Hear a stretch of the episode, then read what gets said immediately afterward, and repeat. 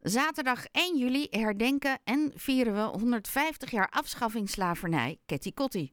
De komende weken is er al van alles te doen in aanloop naar deze dag, maar ook nog daarna. Aan de telefoon Noelle Berenpoot van Bureau Discriminatiezaken Kennemerland. Goedemorgen Noelle.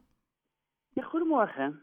De laatste tijd probeert Haarlem steeds meer in de spiegel te kijken wanneer het gaat om haar eigen slavernijverleden. Hoe, hoe doen we dat? Hoe gaat dat proces? Ehm, nou, dat gaat goed eigenlijk, denk ik. Ik denk, uh, je, het is een stapje vooruit en dan, en dan kijk je om je heen en denk je, wat is hier allemaal? En uh, soms schrikken en soms is het pijnlijk en soms uh, is het eigenlijk ook heel mooi. Ja. Is het bekend welke rol Haarlem heeft gehad binnen de slavernijgebeuren? Uh, nou, dat zijn ze nu aan het onderzoeken. Dus de gemeente heeft een opdracht gegeven tot onderzoek. Hè. Dus het KIT, een onderzoek, uh, de Universiteit Leiden is dat aan het onderzoeken. Dus er is nog heel veel onbekend, omdat er eigenlijk heel lang geen, niet naar is gekeken.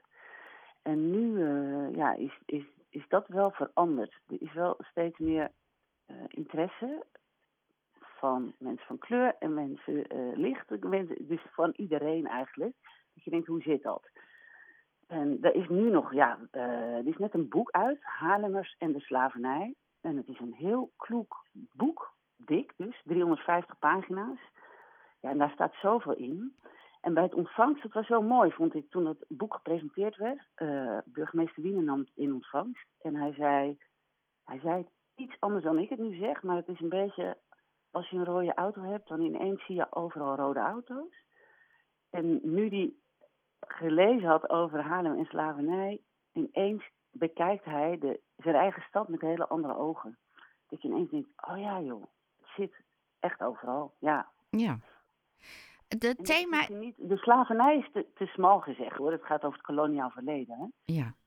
En de slavernij is daar een onderdeel van, ja.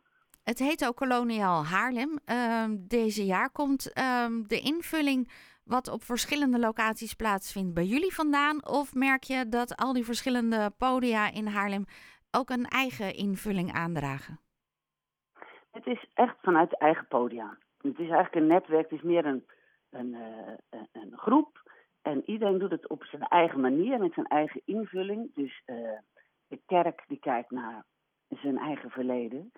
Um, maar patronaat doet dat natuurlijk weer op een hele andere manier.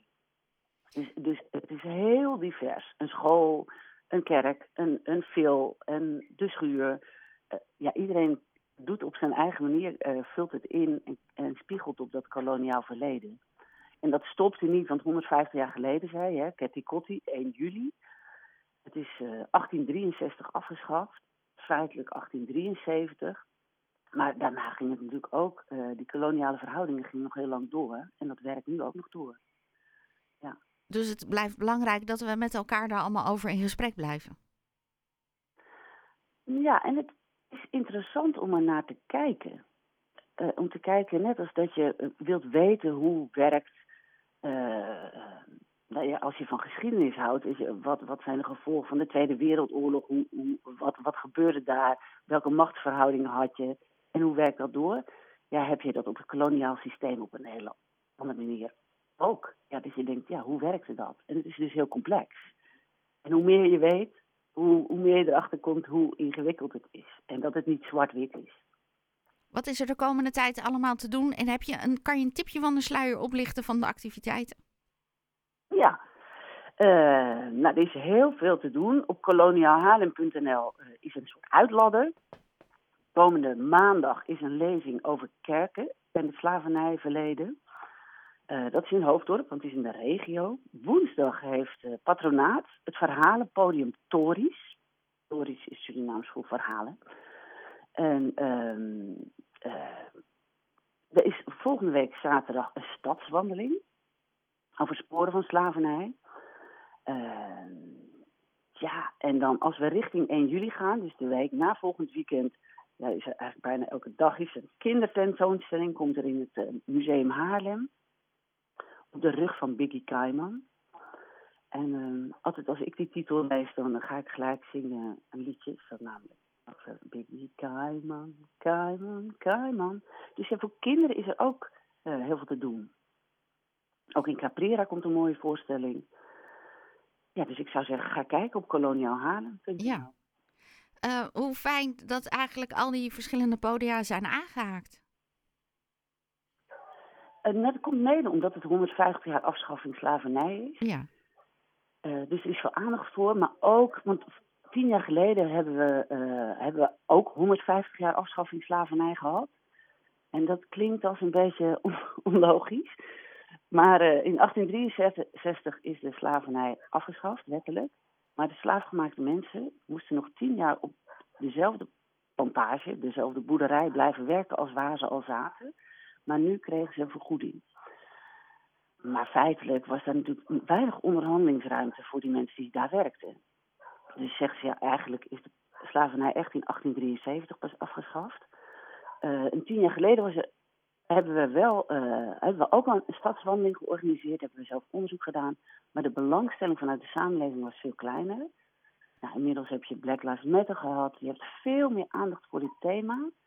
En het, het duurt ook een tijdje voordat je denkt, hè? wat was onze rol eigenlijk? Toen heette het Hoezo Haarlem en slavernij? Omdat dat de reactie was eigenlijk van heel veel mensen. En nog steeds is het wel dat, ja, slavernij denken mensen aan Amsterdam, aan Zeeland. Maar het was in heel, ja, in heel Nederland. En niet alleen in Haarlem. Maar dit, dit is wel, ook voor onderzoek is het heel interessant. Zodra je gaat krabbelen, vind je dingen. Dus de buitenhuizen hier in Haarlem, ja, die zijn niet uit de lucht komen vallen. En die zijn echt uit die koloniale tijd, met die winsten toen, uh, grotendeels gebouwd. We gaan de komende tijd er nog veel meer over uh, ontdekken, Noelle. Ja, mooi. Dankjewel voor uh, je tijd en ik wens je nog een hele fijne zondag. En Dankjewel. dan vertel ik nog even aan iedereen dat jij bent van Bureau Discriminatiezaken en dat je ook via jullie website overal de informatie terug kan vinden over koloniaal Haarlem. Ja, in koloniaalhaarlem.nl gewoon. Ja. En een eigen website ook nog. Dankjewel en nog een ja, hele fijne zondag. Oké, okay, ja, hetzelfde. Geniet ervan. Dankjewel. Jorde Noelle Berenpoot van Bureau Discriminatiezaken.